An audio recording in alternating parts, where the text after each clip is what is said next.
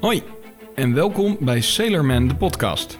De podcast over mijn reis in marketing en salesland. Wat is marketing en sales? En hoe doe je het? Ik spreek met gasten en deel mijn eigen ervaringen om zo de kneepjes van het vak te leren.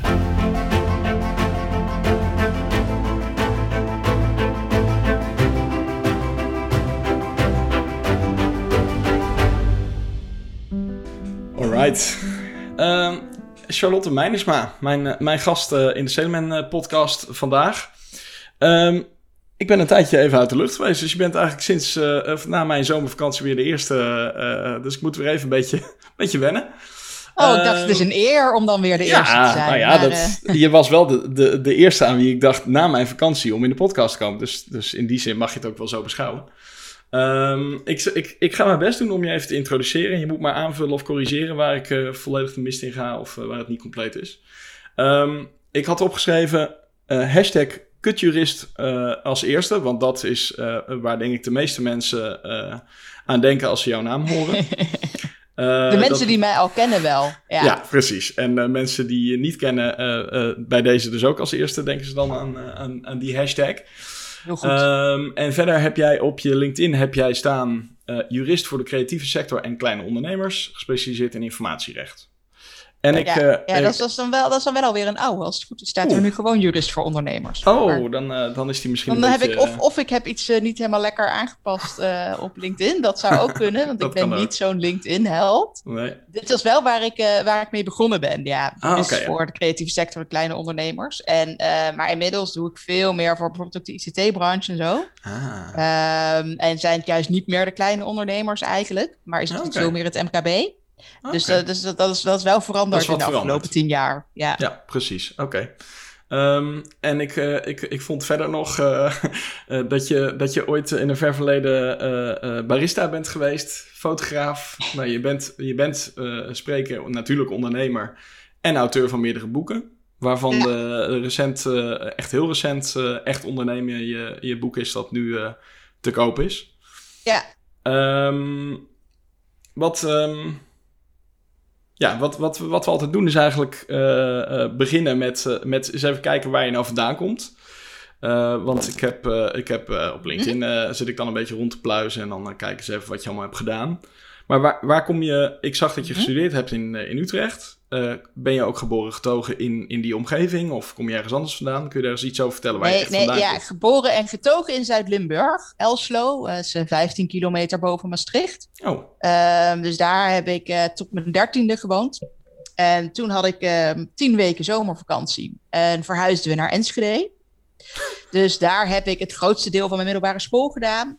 vier van de vijf jaar toen ben ik inderdaad mijn bachelor gaan doen in Utrecht. Um, althans, dat moest dus even via een HBO-propeduizen, omdat ze me vanwege mijn Frans van het VWO naar de HAVO hadden gestuurd. Okay. En toen dacht ik, ja, weet je, is goed ook. Ik denk ja. zin om dan ook geen jaar langer meer op deze middelbare school rond te hangen. Ja. Uh, dan doen we het wel via het HBO. Uh, maar dus ook uh, dat jaartje HBO of twee jaar waar dat uiteindelijk, want ik was het hele leren verleerd. Hmm. Uh, de vakken gehaald met boeken nog in de shrink wrap. Maar ja, sommige andere vakken dus niet in één keer, omdat ik daar te weinig voor deed. Ja. Um, dus via uh, propedeuse HBO naar, naar de universiteit, daar mijn bachelor gedaan. en toen inderdaad informatierecht gaan studeren weer in Amsterdam. Ja. Um, dus ik heb een aantal jaar in Utrecht gewoond, maar tijdens mijn studie ben ik ook mijn, nou ja, nu mijn man uh, tegengekomen. Mm-hmm. Uh, en in Utrecht wonen was toen al heel duur. Uh, dus toen zijn we uiteindelijk in Den Haag beland. Want ja, toen had je gewoon nog een OV-studentenkaart. dus ja, ach, dan zijn die 35 minuten naar Utrecht was dan eigenlijk al geen probleem. En, Ja. en later die, die 40, 50 minuten naar Amsterdam ook niet. dus dat was eigenlijk een prima en betaalbare uitvalsbasis. En uh, daar woon ik nog steeds. En daar heb ik dus nu ook uh, mijn eigen onderneming. Wat interessant, uh, dat, dat had ik niet aan je gehoord. dat zul je ook vast wel eens vaker hebben gehoord. Dat je, want Limburg, zowel Zuid-Limburg als Enschede zijn toch wel plekken waar je met een accent vandaan kan komen, zeg maar. Zeker. En ik had dus ook echt wel een Oh ja? accent toen ik in Limburg woonde, maar mijn ouders komen daar niet vandaan. Eh, dus ik heb, kreeg dat niet van ja. huis uit mee. Hè? Dat is dan puur van, van school en zo. Ja. Ehm, dus als we dan naar familie gingen, dan werd ik uitgelachen vanwege mijn Limburgs accent. En in Limburg werd ik uitgelachen omdat ik niet voldoende Limburg sprak. Ehm, dus dat was ook toen ik dacht, oké, we gaan nu naar Enschede verhuizen. Hier moet ik wat aan doen. Eh, ik moet van dat Limburgse accent af, want anders gaat het weer fout. Eh, nou, dat, op zich is dat, dat heel aardig gelukt om van dat Limburgse accent af te komen. Eh, maar toen was dus een Enschede, ja, eh, kom jij uit Leiden of zo. Ja. Dus een ja, een beetje overcompensatie. ja, ja, dus eigenlijk ook heel erg mislukt. Tegelijkertijd dat het dus heel erg gelukt was. Ja, ja. Ehm, en nou ja, daarna maar die richting op verhuisd. Hè? Dan klopt je accent tenminste weer een beetje Ja, met, precies. met waar je woont. Je hoort die volgorde niet heel vaak, maar dat, eh, zo kan het ook, ja. Nee, ja, ach. Ah, grappig. Oké, en ehm, hoe zit het dan? Je hebt in Utrecht eerst gewoon eh, recht gestudeerd en hebt een specialisa- specialisatie in Amsterdam gedaan? Of heb je het grootste Ja, deel ja, je mijn master, ja, mijn master Ja. ben ik. eh, dus ik heb gewoon een bachelor. Hè, is een algemene bachelor. Ik kan ook een klein beetje richting kiezen. Eh, dat heb ik in Utrecht gedaan. Ah, oké. Ehm, en nou ja, dan, dan moet je naar een master toe. En nou, dat, dat was in die zin dus het fijne van dat hele bachelor-master systeem. Dat dat dan ook zo makkelijk kan. Dat je heel makkelijk over kunt stappen. Eh, dus het was een selectieve master in, eh, in Amsterdam. En een, en een specialistische, zoals we dat noemen. Hè? Want hij is dus eh, heel gericht. Maar dan moest ik ook voor solliciteren en zo. Oh ja. want ze hadden maar plek voor 60 mensen. En daar hadden toen meer, in mijn jaar meer dan 400 mensen Zo. zich ervoor aangemeld. En ik geloof dat ze inmiddels wel wat meer mensen toelaten, maar ook nog meer mensen hebben die hem willen, willen volgen. Maar was het echt een, een, een selectieprocedure of was het een loting? Nee, nee, nee, selectieprocedure. Dus echt een Ah, sollicitatiebrief schrijven, zeg maar, of een motivatiebrief. Dus dat is dan geen sollicitatie, maar Ja. van, goh, en waarom wil je dat dan volgen? En waarom zouden we dan voor jou moeten kiezen? Eh, nog gesprek erbij. En eh, ja, dan, eh, dan kiezen ze daar mensen uit. En, en, Ja. en waarom wilde je dat? Waarom, wat was voor jou de reden om, nou ja, misschien überhaupt Nee, rechten te gaan studeren? Ik was of- dus al fotograaf, hè? Ja. Ja, ja, ja. Nee, ik was, ik was dus al fotograaf. Dat was ik echt, dat had ik als, eh, als, als hobby eigenlijk al opgepakt. En eh, op een gegeven moment ook al als Kamer van Koophandel inschrijving. Eh, dus dan raak je ook, denk ik, als je toch al rechten studeert, is, dat misschien wel logisch. Dat je geïnteresseerd raakt in de juridische kant van eh, dat ondernemen, maar ook van de fotografie. Ja. Eh, en in die master informatierecht zat dan dus onder andere het auteursrecht, waar je als fotograaf veel mee te maken krijgt. Ehm, Ah. daar over was dus eh, dan is gooien. Eh, mijn moeder is, is vroeger ook eh, redacteur geweest ehm, eh, bij Wolters Kluwer of zo. Ik weet niet precies toen die uitgeverijnamen in elkaar Ja. zaten. Die Ja. waren toen denk ik nog niet samen. Dus zij is bijvoorbeeld redacteur geweest voor Pinkeltje en zo. Ah, ja. wat ze vreselijk vond, overigens. Maar ja, die uitgeverijbranche. Dus ook weer met, met dat auteursrecht. Nou ja. Ehm, dus, dus zo komt dat eigenlijk een beetje. Ja, Ja, grappig. Dus je bent vanuit, eh, vanuit je achtergrond en echt eh, eh, eh, de, de interesse voor en het maken, content, fotograaf. En dan Ja. dat, die rechte kant en dan de combinatie, het snijvlak, daar ben je eigenlijk verder in gedoken in je studie. ja precies. Oké, cool. En ehm, eh, dat, dat was inderdaad die, dat, die informatierecht. Ehm, wat, wat, wat, heb je, heb je, wat heb je nog meer? eh, heb je nog dingen tijdens je studie eh, gedaan? Eh, was je een, was je een, een studiebol? Zat je bij clubjes? Nee, Wat, ik al zei, het, het, het, het, het leren had ik verleerd. Dus een echte studiebol ja, ben ik ook eigenlijk nooit meer geworden. In de zin van dat echte blokken voor, voor een vak. Ehm, terwijl ik nu wel hè, me echt kan verliezen in het lezen van jurisprudentie of zo. Ik vind het nu Hmm. heerlijk. Terwijl dat echt wel iets is wat ik, wat ik heb moeten leren. Ja. Ehm, ik ben wel nog eh, één jaar lid geweest van eh, UVSV en VVSU. Dus de, het, het vrouwelijk studentenkoor in Utrecht. Ja. Ehm, maar dat eh, ja, was een beetje te hypocriet en zo voor mij. Dus dat heb ik na een jaar toch wel opgegeven. oké. En zoals een van mijn clubgenootjes zei, ja, jij hebt ook intelligentere gesprekspartners nodig. ja. Ehm, dus Ja, dat, eh, dat, en was dat, ja, dat, dat was het misschien ook wel. Ik ben ook nog lid geweest van de Jonge Democraten. Al sinds mijn veertiende eh, was ik dat. Dus Ja. al op de middelbare school. Eh, op die manier kon ik destijds heel mooi legaal spijbelen, zoals ik dat altijd maar noemde. Ik hoefde op een gegeven moment maar te zeggen, ja, ik ben weg voor de JD. En het was, oh ja, dat is goed. En dan stond ik vervolgens op het station te flyeren of zo. Ik denk, ja, als ze geweten hadden dat het flyeren was geweest, dan hadden ze het misschien niet meer goed gevonden. Ja. Ehm, dus ik zat regelmatig in de trein naar, eh, naar Utrecht of Amsterdam eh, eh, voor allerlei JD-dingen. Ik ben toen dus eerst ook nog, toen ik nog in Enschede woonde, ook nog voorzitter geweest van Jonge Democraten Twente. Nou, toen verhuisde ik naar Utrecht, toen ben ik daar dus ook nog voorzitter geweest van Jonge Democraten Utrecht.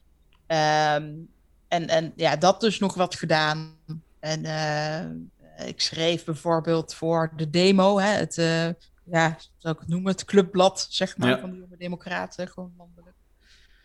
Eh, dus dat zijn er wel dingen die ik naast mijn studie heb gedaan. En leuk. altijd natuurlijk een beetje bijbaantjes en zo. Hè. Wat, gewerkt. bij de ACO bijvoorbeeld, bij de Consumentenbond. Ehm, voor eh, ehm, een bureau dat, daar ben ik projectleider geweest. Die ehm, van alles deden voor eh, eh, Nederlands als tweede taal. Hè. Dus eh, mensen die daar hun cursussen voor moesten volgen. Ah, ja. Ehm, en toen heb ik ook nog voor een stichting gewerkt voor Polen in Nederland en voor die integratie, zal ik maar zeggen. Ehm, denk ik, wat heb ik nog meer gedaan? Nou ja, en dus inderdaad barista bij Starbucks. Ja, of je dat dan echt barista ja, dat weet ik ook niet. Weet maar- ik niet. Ehm, want, want ze hadden op zich wel allerlei kwaliteitseisen die dan op zich wel kloppen met, met hoe koffie hoort te zijn. Alleen wordt dat in Nederland in elk geval zo weinig gecontroleerd. Eh, ja, dat, dat, eh, Maar het is, het is wel eh, grappig, is daar jouw... eh, nou ja, mensen, mensen die jou volgen weten dat je, dat je, dat je koffiefanaat bent. Hè, met Ja. je op, oploskoffie, eh, knipoog, eh, je productnaam. En, en hè, als je ook op Instagram volgt, dan zie je regelmatig je, je eerste bakje koffie zetten en, en nuttigen. Dat is volgens mij een dagelijks ritueel dat op. Instagram voorbij komt. ja, Ehm, ja als, ik, als ik dus ook geen koffie drink, heb ik dus wel een probleem hè, op Instagram. Ja, dan krijg je waarschijnlijk vragen van gaat het wel goed met je? Ja. Toch? Ja. Ja, dan, dan zit je hoe ga ik nu mijn stories beginnen? Want ik heb Ja. geen koffie, weet je wel? Het is, ja. Ja, precies. Het is Echt ook voor jouzelf. De inleiding voor het, eh het start Kijk, als je ochtends vroeg al koffie drinkt, dan kun je meteen al met stories beginnen. En anders zit je ook echt ook een beetje met, oh ja, ja, ik kan mijn stories nog niet beginnen, want ik heb mijn koffie nog niet gehad. Mooi. Oké, maar eh, eh, ja, inderdaad, of, of de Starbucks nou echt barista eh, waardig is, dat weet ik ook niet. Maar, maar in ieder Ik, geval... ik kom er dat- nu eigenlijk nooit meer. Nee, nee, nee dat, dat snap ik op zich ook wel. Als je van echt eh, hele lekkere koffie houdt, dan eh, weet ik ook niet of je daar moet zijn. Maar goed, dat is een heel ander onderwerp. Ehm, nou, dat is, dat, is, dat is een beetje jouw achtergrond eh, volgens mij. Hè? Dan hebben we het volgens mij... En op een gegeven moment ben jij in... eh, in ieder geval stond op je LinkedIn eh, eh, in 2011 eh Charlottesville eh, eh, begonnen. Was dat direct na je studie? Gewoon aansluitend? Ja, Hoe dus... kwam je, eh, hoe kwam je dat- erop? dat is- eh, Nou ja, ik, ik, ik, was, ik stond zo ingeschreven als fotograaf. En ik dacht eigenlijk, ja, daar wil ik toch wel ook in blijven ondernemen. Maar ik wil ook wel als jurist gaan werken. Nou ja, Hmm. waar zou dat dan kunnen? Nou ja, bij de overheid kun je misschien nog wel een parttime baan krijgen. Ehm, maar daar had ik dan weer niet zoveel trek in. Dus ik wilde eigenlijk wel een beetje die commerciële kant op. Eh, ik had ook wel een hoop ideeën over hoe je bijvoorbeeld met klanten om zou kunnen gaan. eh, eh, wat je eventueel aan marketing zou kunnen doen, et cetera. Ja. Eh, ook in de, gewoon de machine- manier van communiceren hè, met klanten. wat, wat, wat voor taal je kunt gebruiken, et cetera. dacht ik, ja, dan kom je als junior binnen bij wat voor kantoor dan ook. Of dat een groot Zuidas kantoor is of een klein gezellig kantoor. Je hebt gewoon geen flikker te vertellen, want je bent nieuw. Ja. Hartstikke logisch. Ik dacht, ja, daar, daar kan ik het dus ook niet kwijt. En ik kan daar waarschijnlijk gewoon helemaal niet parttime aan de slag. Ehm, en ik kan dus mijn eigen ideeën niet kwijt. Dus toen dacht ik, ja, dan wil ik eigenlijk, zou ik ook wel dit voor mezelf willen gaan doen. Ben ik wel met een hoop mensen nog gaan praten. Mhm. Omdat ik dacht, ja, wat nou als dit mislukt? Wat Mhm. als ik gewoon enorm faal als ondernemer, kom ik dan nog wel aan een fatsoenlijke baan? En toen zei iedereen eigenlijk, ja, nee, maar ja, juist wel. Want dan heb je kop over maaiveld uitgestoken. En dan heb je laten zien dat je dingen durft, dat je van aanpakken houdt, et cetera. Ehm, en dan geeft het eigenlijk niet dat het mislukt is. Het gaat dan meer om, om de inzet die je getoond hebt, et cetera. Dus ja, je komt dan juist wel aan een baan. Hm. Nou, oké, dan ga ik het proberen. Eh, dus met mijn vriend daar afspraken over gemaakt. Dat ik nou minimaal ook twee jaar moest proberen. Eh, van ja, weet je, het kost nou eenmaal tijd om een bedrijf goed op te zetten. Maar het is eigenlijk al heel duidelijk dat, dat dat gewoon wel zou blijven bestaan. Dat het eigenlijk al vrij snel wel goed liep. Ehm, dus mijn afstudeerdocent vond het natuurlijk een slecht idee. Mijn ouders zeiden een soort van alleen maar ja, oké okay, of zo. Van ja, we kunnen moeilijk tegen je zeggen dat je het niet mag doen. Maar uh, nou ja, ze stonden er ook niet achter. en van mijn school. Zij vonden dat je ja, ja, dat, ja, die zijn gewoon heel klassiek van, van ja. ja je gaat studeren en, en je, je gaat in loondienst. Um, en, en, dat, en dat is hoe het werkt. Um, dus, dus, dus, ze keurden het ook niet af, maar het was voor hen niet iets logisch om te doen. Ze begrijpen dat hele ondernemen niet, uh, et cetera. Hm. Uh, terwijl ik, ja, van, van mijn schoonvader bijvoorbeeld, die raadde me vooral een marketingboek aan. Hier, ga dit maar lezen, daar heb je misschien nog wat aan. Ja. nou, had je het in ieder geval vanuit die kant van de familie. Precies. En, en wanneer zagen jouw ouders uh, van, oh, dit gaat toch wel goed komen? En toch... ik, ik weet niet of ze dat ooit gezien hebben. Het is nu nog steeds, ja, Lot, ik weet niet hoe je het doet. ja, is dat, is gewoon, ja, dat is gewoon echt een klassieke kijk op. Ja, uh, ja nee, het is ook niet. Oh, wat goed dat je het doet en wat leuk en wat fantastisch en wat mooi. Nee, het is echt alleen maar. Oh ja, ja, ja. ja. Ze heeft een nieuw boek geschreven. Oh ja, hij heeft een nieuw boek geschreven. Oké, ja.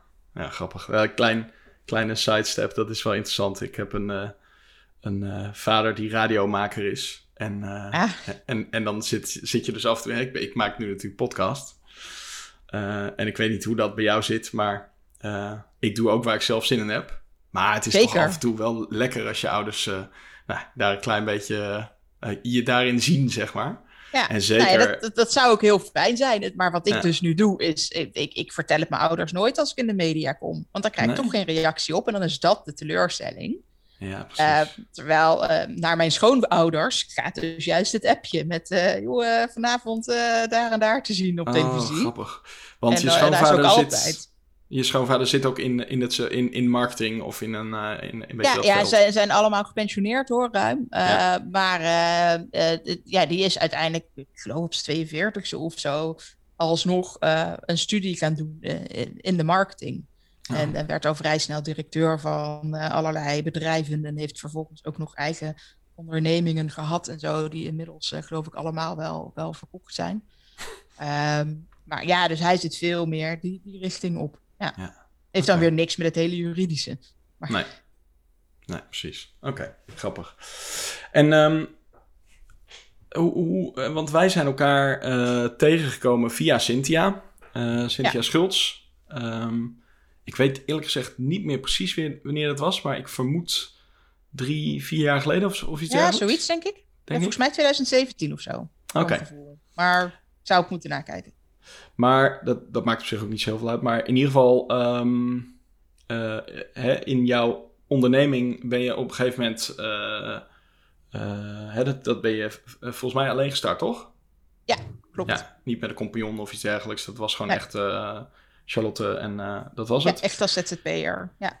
En wanneer was het moment dat jij want toen wij dus contact hadden uh, uh, voor, een, voor een opdracht, toen, toen had je personeel. Wanneer, wanneer was dat dat je personeel aannam en wat was de reden dat je dacht van nou, nu, nu is de stap naar personeel een goede stap? Nou, het begon helemaal in, in, in, in het begin op een gegeven moment. Um, met dat ik ook wel iets van, van een soort secretaresse VA-achtig iemand ah, ja. wilde hebben. En dan zit je natuurlijk heel erg nog met: oké, wat gaat zo iemand me opleveren? Wat kost dat? Hoe zit dat financieel? Uh, is het wel een handige beslissing? Um, dus daar ben ik mee begonnen, uh, part-time. En op een gegeven moment was er gewoon zoveel werk dat ik inderdaad ook een jurist in dienst heb genomen.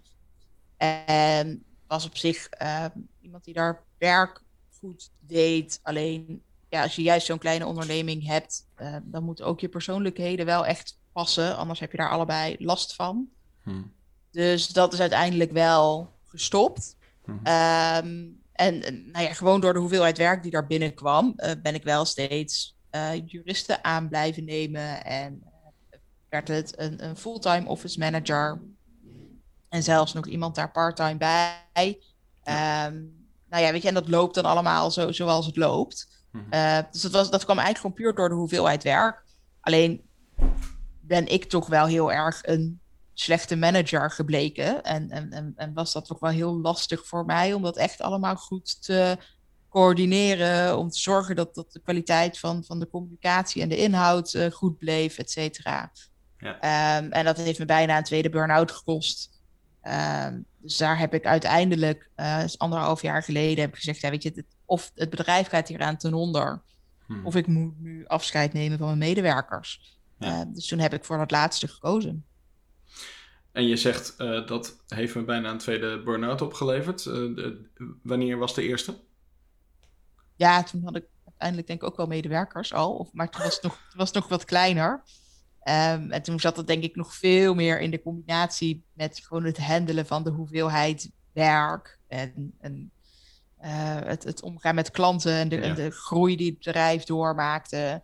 Um, hè, dat, dat je, ik had juist met een lager tarief bijvoorbeeld meer zeurende klanten hmm. dan toen mijn tarieven gewoon omhoog gingen. Ja. Dus die eerste burn-out kwam veel meer door de groeipijnen en gewoon de transitie van lekker relaxed als ZZP'er een beetje aan het ondernemen en, en prima werk afleveren. Naar, oké, kan ik mijn prijzen verhogen? Hoe doe ik dat dan met mensen aannemen, et cetera, et cetera. Ehm, dus, dus dat zat dan denk ik veel meer in de combinatie van, van alles. En, en in elk geval niet in alleen maar het hebben van medewerkers en dat managen. Um, terwijl mijn tweede burn-out kwam juist wel heel erg gewoon daardoor als je meerdere mensen in dienst hebt. Um, ja, dan is, dat, dan is dat wel een ding. Ja. En heb je ook echt daar, heb je ook echt een tweede burn-out gehad? Of had je, was je het net voor? Of was, zat je er half in? Ja, ja ik, eigenlijk zat ik heel erg in de beginfase daarvan. Dus ik was er niet echt voor voor. Want ik, ik, ik, ik heb er nog steeds wel een beetje last van. Hmm. Ehm, maar ik ben natuurlijk wel, ik ben dus wel door blijven werken. Ja. Um, maar ik, ik, ja, bij die tweede kreeg ik ook echt gewoon lichamelijke klachten. Hmm. Um, en, en dat is eigenlijk het moment waarop ik uh, echt dacht, en ik was er al maanden mee bezig. Hmm. Ik echt dacht, oh ja, oké, okay. nu is toch wel echt een grens over. Want dit zijn lichamelijke klachten die ik ook niet meer, die ik gewoon niet meer opgelost krijg. En ook echt, dit komt gewoon echt door de stress. Ja. Dus er moet wat aan die stress gebeuren. En was dat het moment dat je zei van nou, dan ga ik weer alleen verder. Ik ga de boel weer ontmantelen en uh, alleen uh, weer verder? Ja. ja. Oké. En... en dat heb ik dus ook zo snel mogelijk gewoon aan de, aan de meiden verteld. Toen had ik alleen, maar, alleen maar vrouwen in dienst. Ja. En dat vind ik ook wel zo, zo eerlijk, dat op het moment dat ik die beslissing genomen heb, dat ik hen dat dan ook gewoon zo snel mogelijk vertel. Ja. Um, zodat zij ook eigenlijk ja, zoveel mogelijk tijd hebben om, uh, om wat anders te zoeken en om er samen uit te komen, et cetera. En in die zin had ik het geluk dat uh, de jurist die ik toen in dienst had, uh, een vriendje had in Eindhoven en eigenlijk ook al niet wist of ze wel wilde blijven, et ah, cetera. En dat contract ook sowieso um, hè, af zou lopen en, en, en, we dus samen nog moesten bepalen of, uh, of we dat wel zouden verlengen. Um, dus dat was in die zin voor ons allebei makkelijker. Voor haar dat ze eigenlijk die beslissing dus niet meer hoefde te nemen of ze dan ook wilde blijven of niet. Dus zij vond het ook eigenlijk wel best. Maar ja, de office manager, uh, die had gewoon een, een vast dienstverband. Ja. Um, dus, dus, dat, uh, waarvan ik dacht van, nou oké, okay, ik, ik ga dit gewoon zo goed mogelijk proberen te regelen. En, en zoveel mogelijk flexibel zijn, met haar meebewegen. Want zij moet wel gewoon goed terechtkomen. Hmm. Um, maar nou ja, als je toch mensen moet ontslaan in die zin. Um, hmm. Ik heb heel hard mijn best gedaan, maar dat, dat, dat, dat, dat werd geen vrolijk einde. Nee? Nee, nee, ja, dat wordt dan toch lastig. Hè? Mensen vinden het toch vervelend dat ze weg moeten. En ze heeft in eerste instantie goed ontvangen. Maar mensen gaan thuis praten. Ja. Uh, met vrienden, met familie, et cetera. En dan gaat het er alleen maar over wat hen wordt aangedaan. Ja, ja. Um, en ja, maar als, als de toko hierdoor... Want ik, ik, ik, ik kon ze niet meer betalen ook. Hè? Ik had zelf op een gegeven moment betaalde ik mezelf geen salaris meer. Want, want het, het was er niet. Nee. Uh, en dat wisten ze ook wel. Maar ja, dat, dat zijn geen factoren die dan worden meegewogen. Hè? Dan denkt iedereen alleen maar aan zijn eigen situatie. En dat snap ik op zich ook wel. Um, maar als mensen er zo eenzijdig in gaan zitten, ja, dan, dan, dan wordt het dus nooit een vrolijk einde. Nee. Ja, vervelend is dat. Ja, je, hebt, je, hebt, je kan nog zo'n goede relatie met uh, je medewerker hebben, maar als er inderdaad op het thuisfront, uh, ja, die hebben geen relatie met jou, geen directe. Precies. Dus uh, die zitten gewoon te drukken, zo nou, Laten we er maar Ja, het, er eh, was, er was zelfs gezegd eh, dat, dat, dat ze bij mij maar een rotzooi moest achterlaten, zeg maar. Oh. Ja, dat- Nou, zover dat is het. ook Weet je, ze, heeft het niet zo netjes achtergelaten als ze beloofd had. maar, maar ze heeft het ook zeker niet als een rotzooi achtergelaten. Nee. Dus ze heeft, ze heeft niet nog eh, hè, dingen kapot gemaakt om, om, Nee. omdat, omdat het kon, zeg maar. Nee. Ehm, maar dat- kennelijk zijn er dus mensen die daar zo Ja. in staan. Ja, ja, ja. Dan ben ik, Nou, ben ik toch wel blij dat, dat, dat, dat het wel iemand was met zoveel fatsoen om dat dan te doen. Nee, precies. Oké, maar goed. eh, jouw, jouw ervaring met, eh, met personeel is dus, of tenminste, misschien eh, in persoonlijke relaties prima, maar qua verhouding tussen, tussen jou als, als leidinggevende en, en medewerkers niet heel goed bevallen.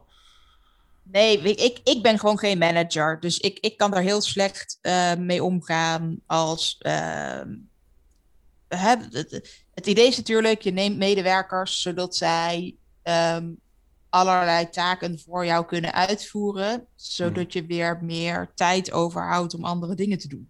Ja. Ehm, maar waar het een beetje op neerkwam, is dat ik te veel in dienst ging staan van hen. Mhm. En het lastige is een beetje dat ik van mezelf gewoon eigenlijk heel ehm, eh, streng ben, zeg maar. En, en dus misschien wel heel vervelend ben, maar dat ik dat ook wel weet. Mhm. En dat ben ik ook weer gaan overcompenseren door heel erg te denken, oh ja, oké, als ze iets goeds doen, dan moet ik dat ook wel belonen en dat zeggen. En maar ja, daardoor kregen mensen dus ook weer het idee dat eh, ze eigenlijk altijd alles maar perfect deden. Of dat het ehm, echt niet erg was om Mhm. fouten te maken. En nee, het is niet erg om fouten te maken. Je moet ze alleen ook zelf wel weer oplossen.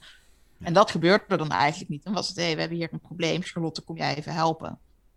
Ehm, dus ik was continu maar met hen bezig. En eh, daardoor kon ik zelf eigenlijk weer geen uitvoerend werk weer, meer doen. Waardoor je dan weer mensen kreeg die zeiden van... ja, maar ja, wij halen hier nu al het geld binnen en jij niet. Ik denk, ja, hallo, door mij komt überhaupt het werk binnen. En had je niks om uit te voeren en hadden we dus ook geen omzet gehad.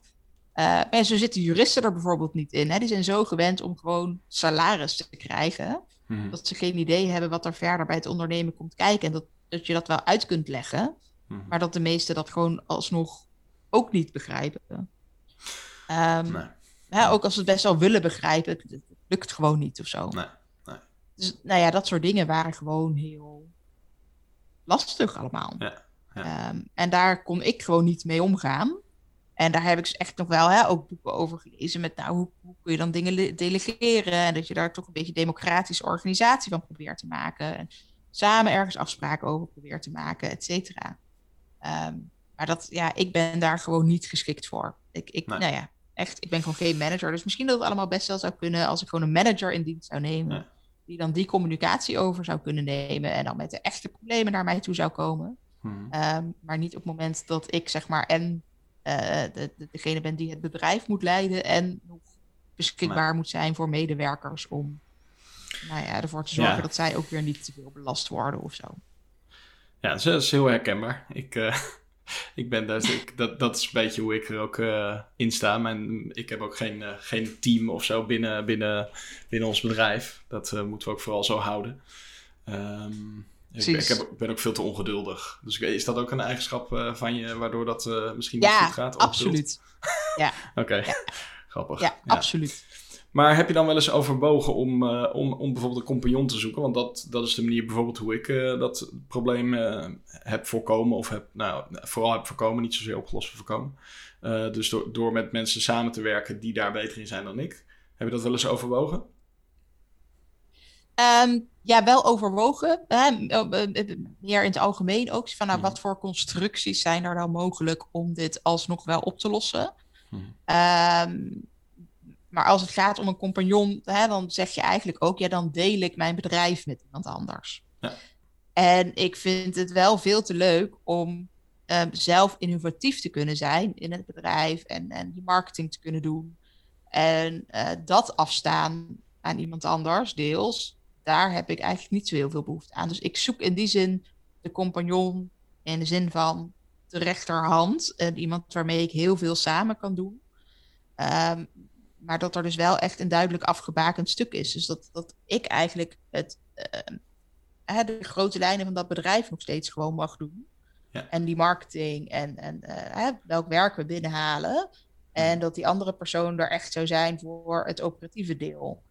Ehm, en dat hoeft voor mij dus niet per se een compagnon te zijn in de zin van waar ik um, het bedrijf zelf mee deel. Dus dat zou gewoon iemand in loondienst kunnen zijn, wat mij betreft. Het probleem is alleen, dan moet je dus weer zorgen dat je zoveel omzet draait, dat je daar zo iemand ook weer van um, kunt betalen. Dus je moet in één stap uh, dan eigenlijk een extreme groei doormaken. Ja. Zodat je en al wat werk binnenkrijgt en die omzet hebt, uh, et cetera. Uh, en dus ook het geld hebt om, om mensen op zijn minst een paar maanden te kunnen betalen, ook als je dus je omzet nog niet draait. Ja. Is dat nog een ambitie dan uh, voor, voor de toekomst? Of heb je nu zoiets van. nou... Nee, op dit, op dit moment niet. Nee. Nee, dus misschien ooit. maar ik denk dat ook, ook. Weet je, daar de juiste persoon voor vinden. Dat is echt knap lastig. Dus daar wil ik niet actief naar op zoek. Dat is misschien iemand die ik tegen zou moeten komen. Ja, ja precies. Oké. Okay. Um, nou, je, je doet het dus nu uh, uh, uh, alleen. dan, dan zeggen veel mensen, tenminste, ik weet niet of jij ze ook tegenkomt, maar er heerst een soort van um, opvatting over ondernemen dat dat niet in je eentje kan. Ja. dat je dan een ZZP'er bent. Ja. Uh, nou heb ik even, ben ik even zo vrij geweest om de definitie van... Want ik moest zelf ook even nadenken. Want die vraag kwam bij mij naar boven. Toen dacht ik, ja, wat is nou eigenlijk een ondernemer volgens hè, de definitie? Ja. Um, nou, op Vandalen staat iemand die een bedrijf voor eigen rekening uitoefent. Nou, ja. Dat, uh, is, daar staat niks over dat je personeel moet hebben. Wat, wat, ik bedoel, hoe zie jij ondernemen? Je hebt er natuurlijk net een boek over geschreven, dus als je dat echt wil weten, dan kun je dat boek kopen. Nou ja, het, het, eh, in dat boek lees je denk ik ook wel goed terug dat ik ook wel uh, die zoektocht heb gehad naar wanneer hmm. ben je dan een ondernemer. Um, ik beschrijf dat ook, het is, het is ook hoofdstuk 1, hè, de echte ondernemer. Hmm. En um, daar beschrijf ik ook in hoe ik uh, nog een keer een online programma in ben gestapt. Een soort online groepscoachingstraject, uh, of tenminste deels online. Waar ik op vriendelijke wijze uitgetiefd ben. Omdat ik zei, ik wil geen team. En hè, je mocht dan je vragen stellen in de Facebookgroep. En ik zei, ja, ik vind alle antwoorden best. Maar uh, in elk geval is, je moet maar mensen in dienst nemen het verkeerde antwoord. En toen zeiden die coaches van ja, nee, oké, maar weet je, als, als dit is hoe jij daarin staat, dan zijn wij geen, uh, geen match. En uh, de, dat je dit zo zegt, uh, nou, dat vond allemaal maar vreselijk. Toen hebben ze me opgebeld van ja, ja zou je het niet dan een goed idee vinden als je zou vertrekken? Maar nou, dan betalen we je ook wel het geld terug. En, okay. Boodschap is helder. Hè? Zij, iets zij, te veel zij, onrust. Ja. ja, ja, nee, dus dat konden ze niet gebruiken. Iemand die daar kritisch op was, dat je er ook anders naar zou kunnen kijken. Oh, en dat oh. hebben ze dus aan mij geprobeerd voor te stellen. Dat zij mij daar dan bij zouden helpen. Ja, ja, ja. ja, ja. prima.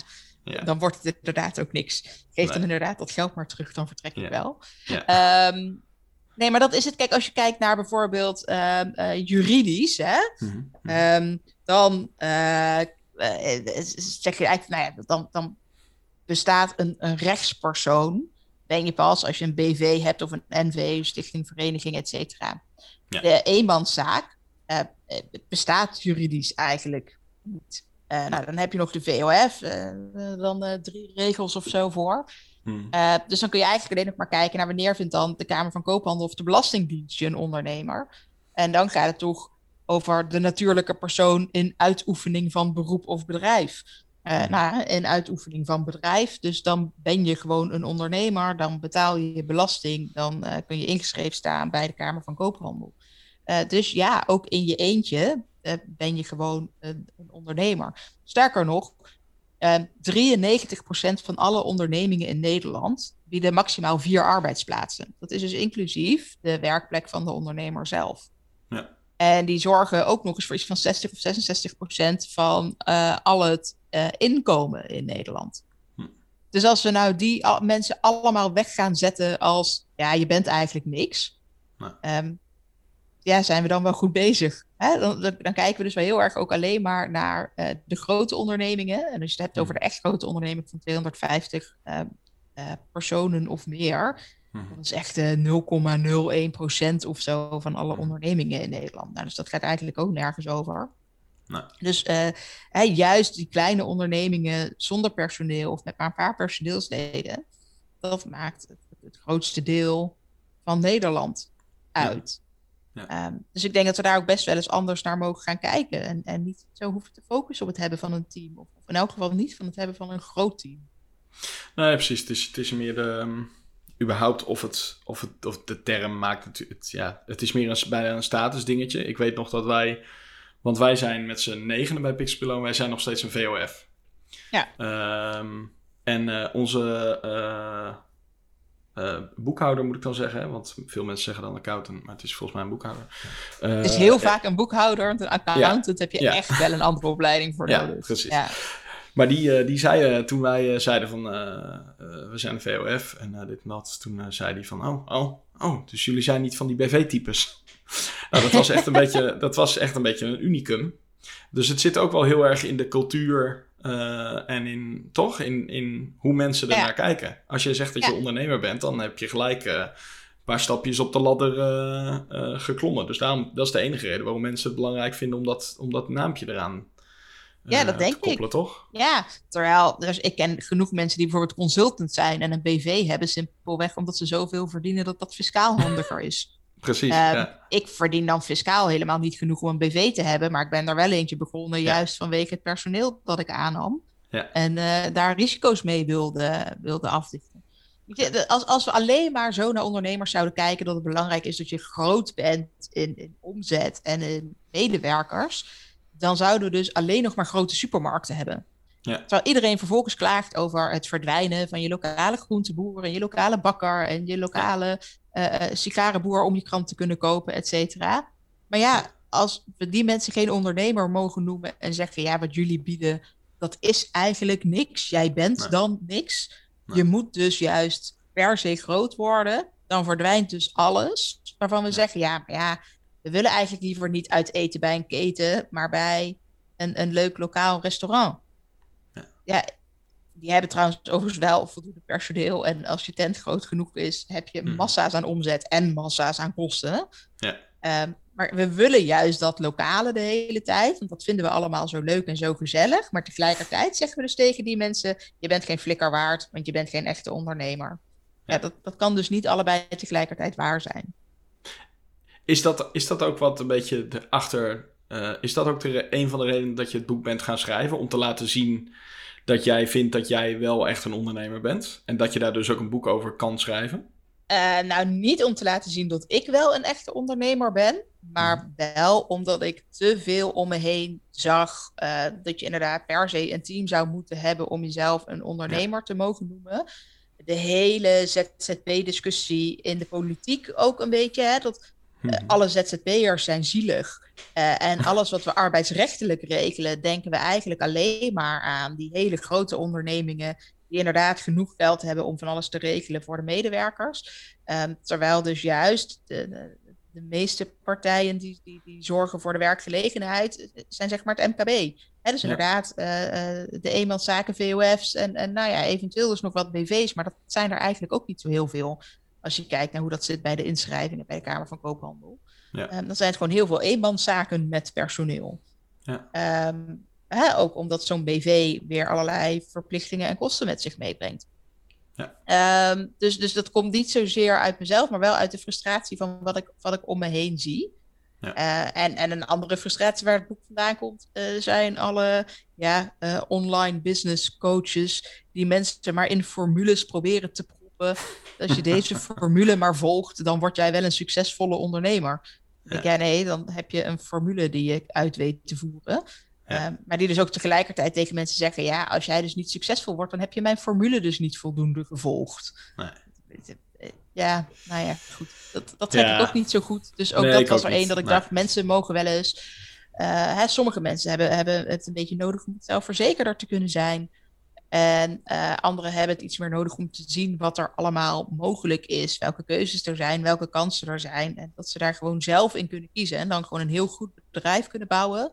eh, wa- wa- waarin ze dus succesvol zijn eh, en, en, en voldoende omzet draaien. En waarin ze zelf tenminste ook een stuk gelukkiger zijn dan dat ze alsnog maar een formule volgen. En in die zin een soort loonslaaf van zichzelf zijn geworden. Ja, ja.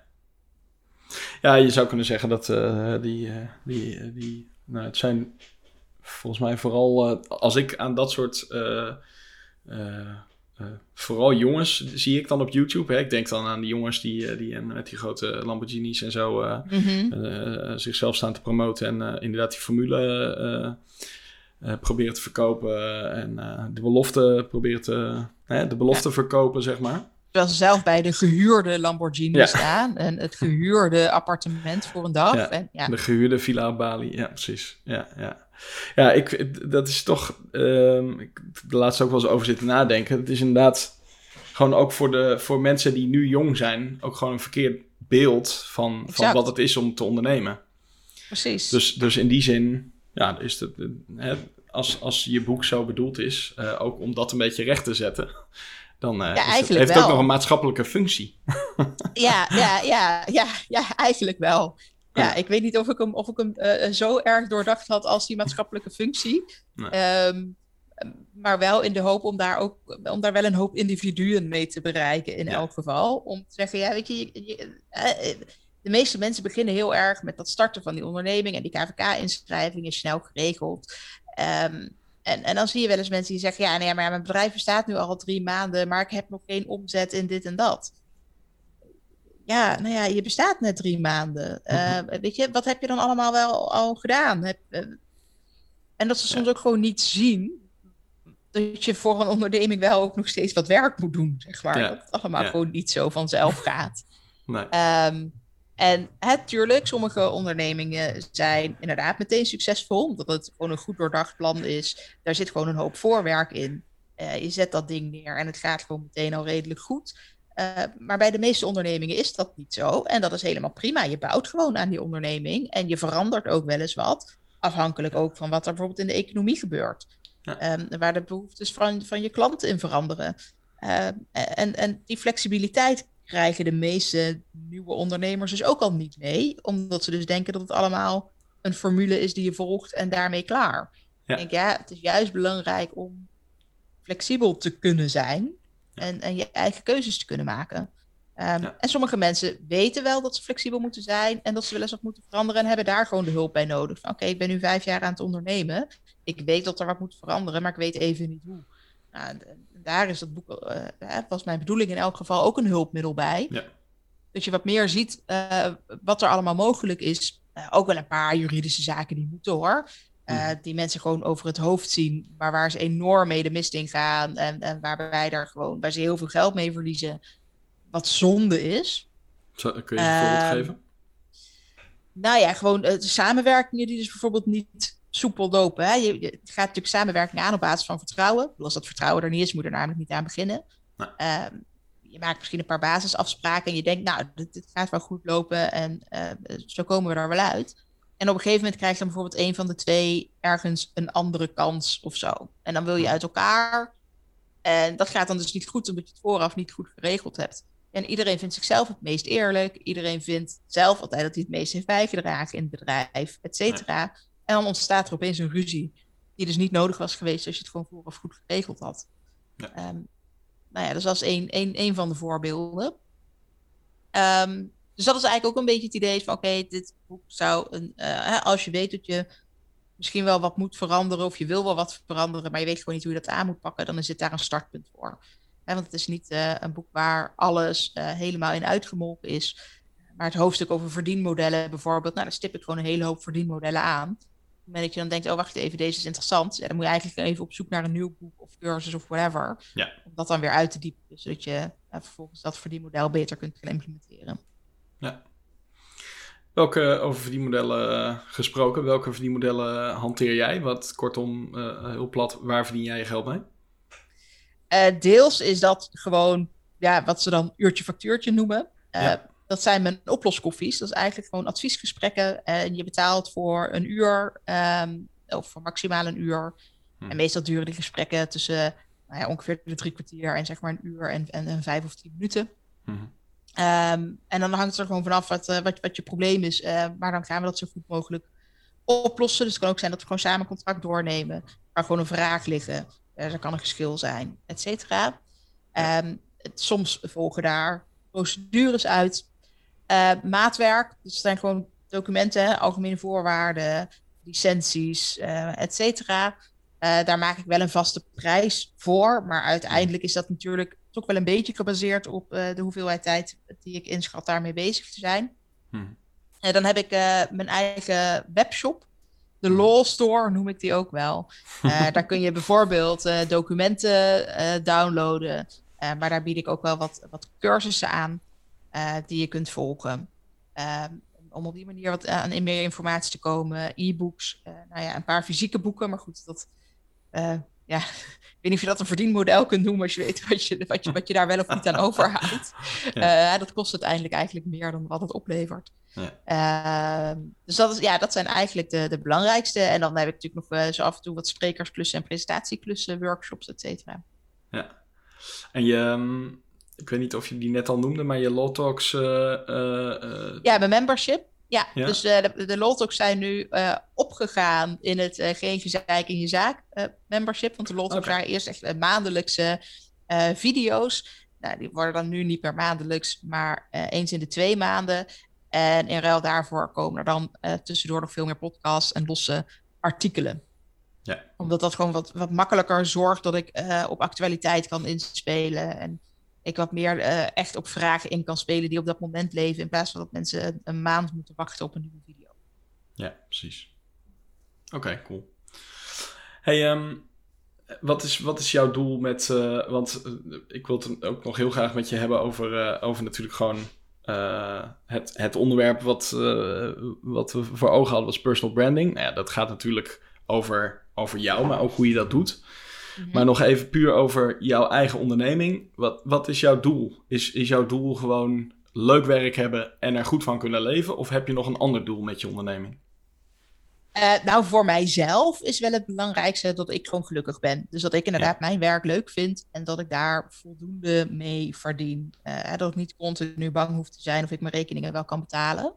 Uh, maar ik heb daar dus ook niet het doel mee om uh, nou ja, hier in Den Haag een, een, een, volledig huis van 200 vierkante meter of zo mee te kunnen kopen. Nee.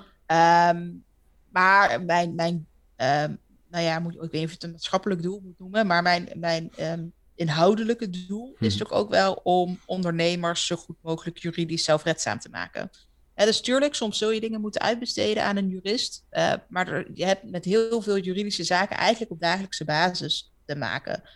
En dat voelt dan misschien niet altijd zo juridisch, omdat het gewoon in, in de praktijk meedraait. Hè? Omdat het gewoon gaat om je marketing, om, om, om klantcontact, et cetera. Hm. Maar uh, daar zit eigenlijk altijd een juridische onderlaag onder. Um, alleen ja, besef je dat misschien niet altijd zo. En mijn doel is wel om ervoor te zorgen dat ondernemers dat zo goed regelen dat ze daar eigenlijk geen last meer van hebben. Dus dat ze er ook eigenlijk juridisch niet meer zo heel hard mee bezig hoeven te zijn. Omdat ze het zelf al ja, zo goed in een dagelijkse workflow uh, embedden eigenlijk. En dat het vanzelf goed gaat. En dat ze daardoor gewoon minder risico lopen. En het maar nog steeds gewoon op een prettige manier kunnen ondernemen zonder dat het opeens zwaar hoeft te worden of iets dergelijks. Uh, maar dat ze hun zaken gewoon goed voor elkaar hebben. Ja, precies. Oké, nou, uh, jij bent natuurlijk, of natuurlijk, dat, uh, als, je, als mensen jou niet kennen, dan weten ze dat niet. Maar je bent regelmatig op, op het nieuws, in de krant, Editie NL, al, al dat soort Volgens mij noem je het zelfs uh, je vrienden van Editie NL, omdat je daar regelmatig uh, te gast bent. ik, nou, ik, heb, ik heb toen echt even een periode gehad, uh, een paar maanden. Toen kwamen ze geloof ik elke drie weken of zo. Inmiddels, nou, ze zijn laatst alweer een keer geweest, maar oh, ja. ik heb ze ook ruim, nou, wat is het, drie kwart jaar of zo, of een half oh, ja. jaar ook weer ook niet gezien hoor. Grappig. Maar dat, ja, weet je, dat, dat, dat, is dan dus wel heel grappig. En er komt elke keer iemand anders. Dus het zijn in die zin helemaal mijn vrienden niet. Nee. Maar uh, ja, dat, soort, dat soort dingen ja, vind ik dan wel grappig. Ja. Maar ze weten je in ieder geval wel te vinden. En dat is ja. natuurlijk in het, in het kader van, van personal branding uh, doe je dan blijkbaar iets goed. Ja. Um, want, want ja, wij noemen dat in ontwerp het haakje. dus, dus als je bijvoorbeeld een, een stijl bedenkt of je... ja, dan, dan zoek je naar een haakje waar je het aan kan ophangen, zeg maar. Je verhaal en dus je ontwerp. Mm. Um, Dus ik, ik had opgeschreven van, ja, wat is jouw haakje? Dus, dus wat is jouw niche, zou je kunnen zeggen? En, en waarmee je denkt dat ze je dus de hele tijd vinden. Ja, uh, dat is geen inhoudelijk haakje. Dat haakje zit hem puur in de stijl en in de toegankelijkheid. Um, ja. En dat ik dingen makkelijk uit kan leggen. Ja. En dat weten ze onder meer door mijn blogs en door mijn YouTube-video's. Daar kunnen ze het aan zien. Ze weten het inmiddels natuurlijk ook gewoon uit de media, hè, omdat ik uh, bij, bij collega's dan te gast ben geweest. Ja. En op het moment dat je in een adresboekje staat, ja, dan wordt het al helemaal makkelijk. Want uh, dan uh, bellen de redacteuren ook het liefst de mensen van wie ze de contactgegevens al hebben. Ja. En dan helpt het als je gewoon heel erg goed uh, bereikbaar bent en je telefoon gewoon opneemt of snel reageert op, op e-mails. Um, en uh, nou ja, zoals soms ook wel eens tegen me gezegd hebt, je praat zo lekker in quotes. Hè, dat zeker voor radio en televisie is dat gewoon heel erg nodig. Ja. Want anders moeten ze daarin gaan knippen. Dat is voor jezelf trouwens ook heel vervelend. Want je krijgt dat echt niet van tevoren nog te zien. Hè, daar is de tijd niet voor. Nee. Nee. Dus je weet niet hoe ze gaan knippen. Als je zelf nou zorgt dat je zodanig in quotes praat dat um, je eigenlijk zeker weet dat ze zo'n volledige zin of die paar zinnen nemen en ze daar niet in hoeven te knippen, um, dan komt je verhaal het beste naar voren. Het werken is voor hen gewoon veel makkelijker. Dus ja, weet je, als ze hier binnenkomen, ze zijn het langs bezig met de camera neerzetten, het licht neerzetten en dat nog een beetje tweaken. Als ze b-roll willen schieten, dan duurt dat het langst. Ja. Maar het gesprek met mij duurt maar vijf minuten. Dus ze zijn ja. in twintig minuten staan ze weer buiten. Ja. Um, en dat is voor hen eigenlijk ook gewoon heel prettig. Ja. Dus, uh, er is geen inhoudelijk haakje. Het zit hem in, uh, in de stijl en de toegankelijkheid. Ja, ja precies. En wanneer kwam jij erachter uh, dat, je, dat je marketing zo leuk vindt? Want jij zegt toen we contact hadden in, in aanloop naar, naar het gesprek ook van, nou ja, de, de marketing is eigenlijk gewoon mijn hobby. Ja. maar, maar wanneer kwam je daarachter? Nou, ik weet niet wanneer ik dat nou echt besefte. Kijk, als je een onderneming start, dan weet je wel dat je het aan de man moet brengen. Je hmm. moet wat verkopen. Um, en ik zocht wel meteen natuurlijk al naar hoe kan ik dat dan doen. Er waren niet echt boeken over hoe je dit soort dingen nou verkoopt. Die zijn daar in, in de loop der jaren wel wat meer gekomen. Um, en ik kreeg dus onder andere dat boek aangeraden, hè, Guerrilla Marketing, door mijn schoonvader. Toen ben ik dat gaan hmm. lezen. Dat ging bijvoorbeeld over sampling en uh, hoe je dat dan kon doen. Nou, dat ging helemaal niet over hoe je dat B2B aan kon pakken. Dus er waren voorbeelden van, van kappers. En het is een heel Amerikaans boek. Dus dan gaat het ook echt van ja, ga lokaal in het, in het dorpshuis spreken en zo. En, uh, nou ja, dat soort dingen. Toen dacht ik, ja, weet je, als je hier al in Nederland ergens als spreker op mag treden, al doe je dat gratis, dan moet je eigenlijk al een staat van dienst hebben. Anders mag je zelfs niet gratis ergens komen spreken. Um, dus dat soort dingen waren gewoon allemaal heel lastig. Maar ik vond het wel heel leuk om uit te zoeken wat dan wel zou kunnen. Hoe ik dat creatief in kon zetten. En, en uh, ja, daar is het zaadje eigenlijk geplant. En daar is mee begonnen. En, en dan werkt het natuurlijk gewoon heel goed uh, als je op een gegeven moment bedenkt... Oké, okay, sampling, dat wordt, het wordt heel lastig om maar een deel algemene voorwaarden te leveren, maar ik kan wel mijn kennis samplen. En ja. dat doe ik dan door middel van die blogs. En dat um, ging eigenlijk meteen al heel goed. En ik werd meteen al gevraagd voor gastblogs en zo. Ja. En als je daar gewoon goede reacties op krijgt, ja, dat, dat is natuurlijk gewoon heel lekker eigenlijk. Ja. Ja. Uh, en dan ga je het vaker doen. En dan werkt het nog beter. En dan krijg je meer bezoekers op je website en nog meer positieve reacties. En ja, dan ga je nog meer kijken wat je dan allemaal weer leuk kan doen. En uh, mensen die je uh, complimenten geven uh, over dat bloggen en over hoe je die marketing dan aanpakt. En dan ga je daar opeens eens over verder lezen. Oh, goh, het heeft een naam wat ik doe. Dat ja. heet kennelijk content marketing. Ja. Goh, interessant. Ik... Wat is dat dan eigenlijk? ja. Um, nou ja, en zo gaat dat dan verder. En op een gegeven moment is het dan je hobby geworden. Leuk. Ja, nou ja, dat is de beste manier om het te doen. Want dan vind je het gewoon oprecht leuk om, uh, om ermee bezig te zijn. Ja. En is dus ja. inderdaad niet, niet een trucje wat je, wat, je, wat je doet. Nee, en liever ook niet zelfs. Nee, Op het moment nee. dat het een trucje wordt, uh, uh, ga ik het ook heel vervelend vinden. Hè? Dus ja. ik weet bijvoorbeeld dat e-mail funnels mij waarschijnlijk heel goed zouden kunnen helpen. Zeker voor mijn membership. Ik, ik ja. weet het. Ik heb er van alles over gelezen. Ik weet in theorie ook best hoe het moet. Ja. Maar het, en, en, en ik weet ook best dat dat op een hele eerlijke manier kan. En dat helemaal niet misleidend hoeft te zijn. En dat, en dat, Nee. dat gewoon prima kan. Ja. Maar het voelt niet lekker. Ja, ik krijg het niet voor wilt. elkaar. Ik krijg Nee. het niet uit mijn toetsenbord. Nee, het voelt toch als, als sales, als, als je Ja. je dingen door iemands eh Ja. potje drukken, zeg maar. Ja. Ja. Ondanks dat ze natuurlijk altijd nog steeds dezelfde keuze hebben op zo'n knop te drukken of niet. Ja. Ehm, maar het feit dat ik, dat ik dan mijn content zo erg moet richten op hier, ik heb iets voor je. En dat is waar ik jou nu naartoe ga duwen.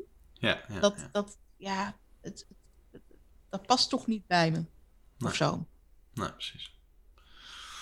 Wat was, de, wat was de eerste keer dat je, dat je echt iets had bedacht eh, vanuit je bedrijf, marketing, eh, iets van een blog of iets, waardoor je echt eh, daar een beetje tractie op kreeg, zeg maar. Dat je echt merkte van, hé, hey, dit werkt, hier, hier bereik ik echt een groter publiek mee dan dat ik hiervoor deed. Wat, wat, wat, kun je dat nog herinneren, wat dat... Nee, dat waren eigenlijk die blogs al wel. Gewoon dus de, ja. de, de, de allereerste eh, die ik schreef, die, die echt vreselijk slecht was. Ehm, maar toen deed ik bijvoorbeeld ook nog wel wat meer voor webwinkels. En ik werk Mhm. nog steeds wel voor webwinkels, maar toen richtte ik me ook echt nog op dat, op dat consumentenrecht. Ja. nu de webwinkels naar mij toe komen voor het auteursrecht en merken en privacy en zo. Ja. Ehm, en ook wat vertelde over verplichtingen die ze hadden, herroepingsrecht, algemene voorwaarden. En, en dat dat echt van die ondernemers waren, dus ook echt nog die kleine ondernemers. Ik zei, oh, wauw, en dit wist ik niet. En wat fijn dat je dit zo opschrijft. En nu kan ik dingen gaan regelen. En dat was gewoon meteen al zo eigenlijk. Ehm, cool. dus daar heb ik ook nooit heel veel voor, voor hoeven doen, wat dat betreft. Nee. En was dat, bedoel, gaf dat dan, eh, is dat een soort kick die je dan- krijgt? Dat je Ja. merkt dat dat, eh, Ja, het is Ja. gewoon heel lekker om te horen dat, dat dat wat je doet, dat meteen al aanslaat. En ik was Ja. wel meteen al bezig met, hè, hoe schrijf ik nou een goede titel? Nou, daar ben ik nog steeds niet goed in. Ehm, maar schrijf je de titel zodat mensen erop gaan klikken, hè, dat het Hmm. een, een, een interessante titel is, een uitnodigende titel is. Maar ja, je wil eigenlijk ook dat die goed vindbaar is in Google, dus dan moet die veel meer beschrijvend zijn. Ja. Nou, die verhouding daartussen vond ik altijd heel lastig. Dus Ja. in het begin veel meer van die titels die dus misschien wel konden zorgen voor die klik, hm, maar die niks zeggen over het artikel zelf of te weinig. hm. Eh, en inmiddels ben ik bijvoorbeeld veel minder, hè, of ben ik eigenlijk veel meer afgestapt van het. Het moet een interessante titel zijn om op te klikken. En veel meer een de titel mag het best wel omschrijven wat je van dat hele artikel mag verwachten. Ja. Ehm, dus het, het- ik ben het allemaal toch wat praktischer gaan doen. En dat zijn wel die dingen die in de loop der jaren allemaal zo zijn veranderd. Mijn, mijn eerste blogpost, die hadden eigenlijk niet eens fatsoenlijk een, een inleiding, middenstuk en afsluiting. Terwijl ik dat natuurlijk bij wijze van spreken op de middelbare school geleerd had, dat een goede tekst daaraan moest voldoen. Hm. En ik was in het begin heel erg bang om er iets van een mening in te stoppen. Omdat ik dacht, ja, als ik dat te veel doe en, en te veel voorbeelden geef, dan gaan mensen veel te veel daaraan hangen. Hè? Ja, maar eh, daar en daar is het dus, dus en zo gegaan. En mijn situatie is precies hetzelfde. Dus zal het dit en dat zijn. Dan denk ik, ja, Ja. nee, maar elke situatie is juist altijd weer anders. Dus ik, ik ga wel gewoon steeds de regel uitleggen. ehm, zodat het zo algemeen is dat het mensen het alsnog wel zelf moeten toepassen, et cetera. En Ja. inmiddels ben ik veel meer van juist wel de voorbeelden gebruiken en wat meerdere mening in en het allemaal wat jeuiger. En Hm. ja, er staan nog steeds mijn blogposts uit, uit 2011, 2012, 2013, ze staan nog steeds online. Eh, maar ik zou ze niet aanraden om te lezen. Oké. Ja, nee, goed. Ja, aan de andere kant is het natuurlijk ook helemaal niet gek dat je, eh, dat je, dat je ergens moet beginnen. Ja, Eh, nou ja, maar terwijl heel veel mensen daar natuurlijk wel bang voor zijn, hè? ja, te beginnen. Ja. Zijn heel erg, ja, het moet meteen al iets goed zijn. Nee, ja, het wordt gewoon vanzelf wel beter. Juist omdat Ja. je dan elke keer aan kleine dingetjes merkt wat wel of niet werkt. En precies. ja, je gaat het bij wijze van spreken vanzelf al wel aanpassen. Zonder dat je daar heel veel moeite voor hoeft. Ja, en, en wat natuurlijk ook zo is, is dat jij weet dat er een blogpost uit 2011 online staat die je niet goed vindt. Maar de meeste mensen die nu naar jouw site gaan, gaan niet helemaal terugspitten tot dat, blo- tot dat blog en dat nog eens even Nee. goed lezen. En dan kijken van, oh, dat was toch inderdaad nog niet zo goed. Je kan Nee, wel lezen, ja, be- zie je net behalve als je dus via Google daar terecht komt. Ja, dat is waar. Dat is waar. Ja, Ja. ja, ja. oké. Hey, wat, ehm, eh, mijn eigen ervaring en wat je, wat, wat, wat het content marketing noemde je zelf net al. Mhm. en, en wat je natuurlijk ook heel vaak ziet zijn de, de, de, de marketingkalenders en de, de, jaarplannen en dit en dat. En ik kan me niet aan de indruk onttrekken dat, dat, dat het bij jou toch ook wel gewoon tamelijk ad hoc en spontaan is. Absoluut. toch? Ik bedoel, Absoluut. Jij ziet dat haakje en dan, dan ga je er gewoon eens even lekker uh, ja. je eigen draai aan geven. Ja, ik heb net weer een artikel ingeleverd bij de ondernemer over Sonja Bakker. Want ja. hij was toch het gesprek van het weekend, hè? Ja. Dus daar ben ik eigenlijk alweer een dag te laat mee, vind ik dan. Ja, Eigenlijk ben ik er zelfs een weekend te laat mee. Ik had het het liefst op, op vrijdag ingeleverd. Maar goed, ik had andere dingen te doen. Ja. Um, Nee, zeker. Nee, ik, ik ben heel slecht ook in dat plannen. Ik kan het wel opschrijven, maar dan hou ik mezelf er toch niet aan. Uh, dus het, het, enige wat ik doe is uh, dat ik video's batch. Dus in principe uh, maak ik 12 YouTube-video's op één dag. Hmm. of of, 12 tot 14, zeg maar. En hmm. dat doe ik dus vier keer per jaar. Ja. maar ik kies elke dinsdag welke video dat dan wordt. Dus, dat, dat, en dan kijk ik ook zeker naar welke onderwerpen spelen er nu. En wat is dus nu handig om op in te haken. Past, welke video past daar het beste bij? Uh, En als ik uh, genoeg tijd heb, ja, dan komen er dus ook wel eens extra blogs online. Uh, dus, ja. Nou ja, zoals nu met zo'n Sonja Bakker die recepten overgenomen zou hebben op haar social media kanalen. Hmm. Um, en daarmee dus inbreuk op auteursrecht maakt. De, de, ja, daar word ik op social media al op aangesproken. Ja, nou ja, goed, prima. Dan komt daar dus ook nog wel een blogpost over. En wat bedoel je dan aangesproken? dat mensen, dat mensen vragen, wat, wat ik ervan vind. Ja, ja precies. Ja. Ja, ja, ja, wat even tussendoor. Wat, wat ze had uh, recepten Zij heeft uh, onder andere van buitenlandse foodbloggers recepten overgenomen. Zowel de foto's als de recepten zelf, die dan vertaald waren. Uh, En die had ze op Instagram gezet en op Facebook. En daar zijn dus een paar van die foodbloggers zijn daarachter gekomen. die hebben daar dus ook melding van gemaakt, onder andere al bij Instagram, waardoor het hele account van Sonja Bakker gewoon offline is gehaald, is gewoon geblokt. Ja een ban heeft zich gekregen, of dat een lifetime ban is. Ja, dat, dat, moet uh, de tijd uitwijzen, denk ik. In elk geval zegt ze daar zelf niks over. Nee. En uh, vervolgens zijn er ook allemaal recepten van haar Facebookpagina verdwenen. Um, nou ja, ze heeft zelf gezegd: het is een storm in een glas water. En uh, ik weet allemaal helemaal niet hoe dit allemaal kan en, en, waar het door is gekomen, et cetera. Uh, misschien dat het door mijn teamleden komt. Nou, er zijn wat oud-teamleden die inmiddels hebben gezegd: ja, nee, maar uh, ze heeft wel meer gekopieerd, ook van Nederlandse bloggers. Uh, zelfs in haar boeken zijn recepten overgenomen. En ze heeft ons er altijd voor gewaarschuwd dat er wel minimaal drie dingen anders moeten zijn, omdat het anders een inbreuk is. Um, nou ja, dus dat is een heerlijke rel. En Sonja wil daar zelf niet zo erg op reageren. Dus komt zij dagelijks weer voorbij bij RTL Boulevard en Shownieuws. Ja. Um, nou ja. En, en op het moment dat jij uh, daar vragen over krijgt, dan denk je: hey, dit is, uh, dit is actueel, hier kan ik uh, op aanhaken, ja. zeg maar. Ja, kan ik weer even wat uitleggen een... over hoe het auteursrecht dan werkt. Ja, en dat zijn dan, neem ik aan, ook de momenten dat de editie NL's jou gaan bellen. Ja, nee, zeker. In het begin was het altijd, het moest eerst de blogposter zijn en ze belden pas daarna. En ja. nu was het eigenlijk zo dat ik, nou ja, via social media toevallig al wel wat linkjes van mensen doorgestuurd had gekregen, waardoor ik op de hoogte was uh, van dit hele relletje. Ja. Uh, maar Show News juist uh, belde en mailde op zaterdag met: oh, mogen we jou hier over interviewen? En toen had ik er dus ah. nog niks over geschreven. Oh, grappig. En, en dit is dan, hè, je hebt natuurlijk inmiddels dan een naam, waardoor dat soort mediapartijen jou benaderen. Maar heb jij mhm. ook wel eens heb je ook wel eens zelf dan dat soort partijen aangeschreven? Nee. nee. ik heb hier een mening over. Nee. Nee, is niet, nooit, nooit. nodig Nee, geweest. ik heb uh, toen ik de Viva 400 won, toen heb ik wel een persbericht uitgestuurd in 2013. Ja. met behulp van een, een zakelijke kennis van mij.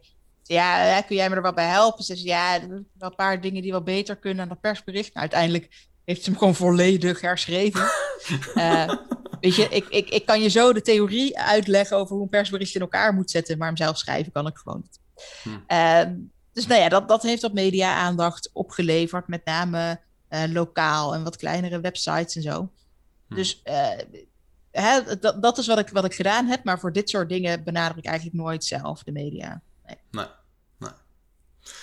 Oké, en ehm, heb, jij, heb jij, nou, ik bedoel, we hebben het nu over personal branding, maar heb jij nog een soort van, komt het sowieso ook aan bod in, eh, in iets van, eh, van jouw cursus? Of eh, over PR en, en marketing? Of, of heb ja, je ja ik heb, nee, er is inderdaad een cursus PR en media. Dat is inderdaad Ja. vooral over hoe je in de media komt. Eh, nou ja, daar leg ik wel uit hoe ik het ook gedaan heb. Hè? Van als je nou maar zorgt dat je Hm. om bepaalde onderwerpen bekend komt te staan. Ja. En eh, dat het duidelijk is dat je eh, bereikbaar bent. Dat je hier makkelijk uitleg over kunt geven, et cetera. Ja, dan helpt dat wel heel erg. Dat komt daar zeker in naar voren. En in hoeverre denk je dat, dat een, een hashtag als kutjurist daarin... denk je dat dat een van de dingen is waardoor jij dan boven komt drijven? Waardoor je, jij Voor gebruikt de, voor de media, nee. Nee, nee. Maar dat is, die gebruik ik natuurlijk lekker op social media. Die komt wat minder Hmm. voor op mijn website. En media Hmm. vinden me toch vooral via specifieke social media berichten. eh, en via blogs en video's. Dus eh, zij krijgen dat ook wat minder mee in die zin. Ja, precies. Oké, cool.